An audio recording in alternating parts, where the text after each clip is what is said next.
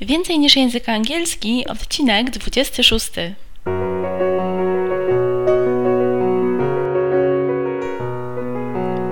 Witaj, nazywam się Ewa Ostarek i jestem trenerem języka angielskiego. Sprawiam, że język angielski to przyjemność. Słuchasz podcastu Więcej niż język angielski, który został stworzony dla kobiet takich jak ty, które chcą odkryć i pogłębić w sobie pasję do języka angielskiego. Jeżeli przeczytałaś tytuł tego odcinka i zastanawiasz się, co w ogóle mam na myśli, mówiąc, że nic Ci nie pomoże w nauce języka angielskiego, to mam nadzieję, że po jego wysłuchaniu będziesz wiedziała, co mam na myśli i będziesz o tym myślała bardziej pozytywnie. Zgadzam się z tym, że nic Ci nie pomoże w nauce języka angielskiego. Nie ma niczego, co by mogło w jakikolwiek sposób pomóc Ci wspomóc tą naukę języka angielskiego. No bo weź pod uwagę, że nie ma idealnego podręcznika. Oczywiście jest wiele różnych, y, bardzo dobrych książek z wielu różnych wydawnictw i możesz dobrać je pod swoje indywidualne preferencje, możliwości, zasoby finansowe, to ile masz czasu, jakimi innymi materiałami rozszerzającymi dysponują, jakie jest oprogramowanie do nich dodatkowe. Ale nie ma jednego idealnego podręcznika. Jeżeli zapytasz kilka różnych osób, one mogą Ci polecić to, co dla nich sprawdza się najlepiej, ale nie ma, nie istnieje jeden najlepszy podręcznik. Tak samo jak nie istnieje jedna najlepsza książka do czytania, taka, która będzie pasowała każdej osobie, która chciałaby poczytać coś w języku angielskim. Jeżeli mówimy o planach, to nawet najlepszy plan nie zadziała.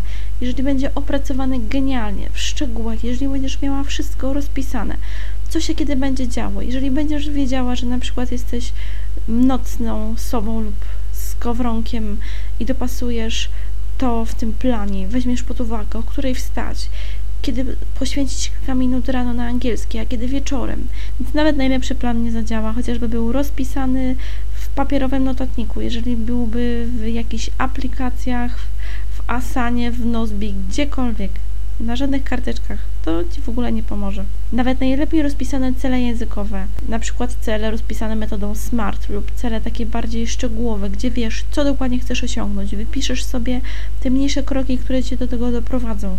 Weźmiesz pod uwagę różne Twoje indywidualne preferencje, wyznaczysz sobie datę końcową, zapiszesz ten cel swój pozytywnie, będzie ta afirmacja taka bardzo pozytywna, w trybie dokonanym, to w ogóle Ci to nie pomoże. Nawet jak to sobie będziesz codziennie przepisywać, bo też jest taka metoda na osiąganie różnych dobrych rzeczy, przepisywanie celów codziennie. Ale to też Ci nie pomoże, od razu Ci powiem.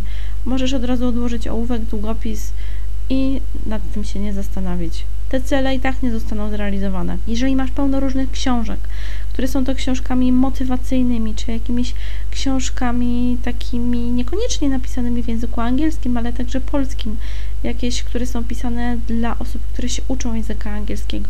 Nawet najlepiej napisana książka, chociażbyś ich miała całą półkę sterty, chociażbyś się wymieniała ze znajomymi koleżankami, była bardzo dobrze do nich odniesiona, miała zrobione notatki. To nawet najlepsza książka motywacyjna czy książki zadziałają krótko i na nic się nie zdadzą w dłuższej perspektywie. Jeżeli nawet sobie rozpiszesz jakieś małe rzeczy w języku angielskim, czyli nie będą to jakieś wielkie kobyły, tylko je sobie rozpiszesz na takie mniejsze kroki, czyli coś, do czego bardzo gorąco zachęcam, czego jestem wielką fanką, takich małych rzeczy dla Twojego języka angielskiego, stopniowo, systematycznie. Nawet jeżeli masz wpisane małe kroki w języku angielskim, jeżeli masz zapisany zestaw różnych małych kroków językowych, dopasowanych do Twoich preferencji, możliwości, tego ile masz czasu i masz je zapisane w jakimś notatniku, zeszycie, w telefonie, na karteczkach i wiesz dokładnie, co możesz kiedy robić to i tak one Ci w niczym, ale to w niczym nie pomogą.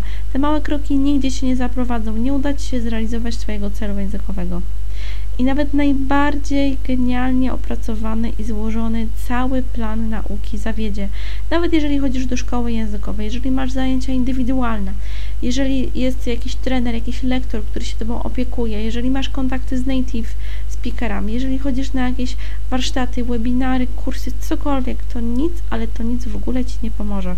A teraz jest najważniejsza odpowiedź. Czemu myślisz, że to wszystko Ci nie pomoże?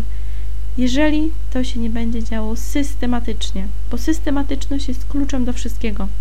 Nawet jeżeli masz super książki, najlepszy plan, dobre cele, książki motywacyjne, zestaw małych kroków i genialny plan kogoś, kto Cię wspiera, to jeżeli to się nie dzieje systematycznie, to jest to bez sensu i od razu mogę Ci powiedzieć, że w dłuższej perspektywie będziesz skazana na porażkę. Nie traktuj tych porad z pierwszej jakby części jako jakieś takie anty, tylko weź pod uwagę właśnie to, że te wszystkie elementy są bardzo ważne i o nich nie można zapomnieć, ale jednak nadrzędem w nauce czegokolwiek, jeżeli na przykład chciałabyś się nauczyć pływać, jeżeli chciałabyś się nauczyć jeździć na rowerze, na rolkach, a tego wcześniej nie robiłaś, to ważna jest systematyczność, bo wyobraź sobie, że nawet jak przeczytałaś jakieś książki, i nawet obejrzałeś jakieś materiały na YouTube, poznałaś jakieś osoby, które już powiedzmy jeżdżą na jakimś specjalnym rowerze, na przykład na takim jakimś jednokołowym, tak, przykładowo takim, na, jest w cyrku wykorzystywane.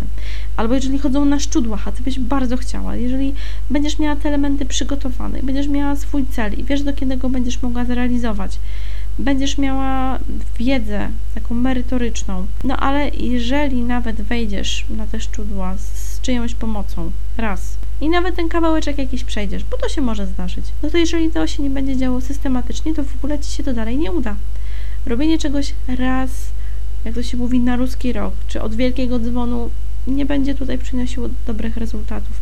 Więc chciałabym, żebyś wzięła pod uwagę to, że systematyczność jest kluczem do wszystkiego. I właśnie od systematyczności biorą się dobre nawyki żywieniowe, biorą się dobre nawyki związane z pracą. Te małe kroki w języku angielskim także są bardzo ważne, jeżeli one są podejmowane systematycznie.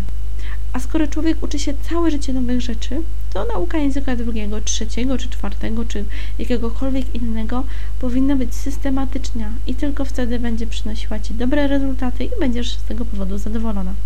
Jeżeli chciałabyś także na temat takiej systematyczności czy jakiegoś innego tematu ze mną porozmawiać, zapraszam Cię na taką bezpłatną konsultację językową, a informacje na ten temat znajdziesz na mojej stronie internetowej ewaostarek.pl.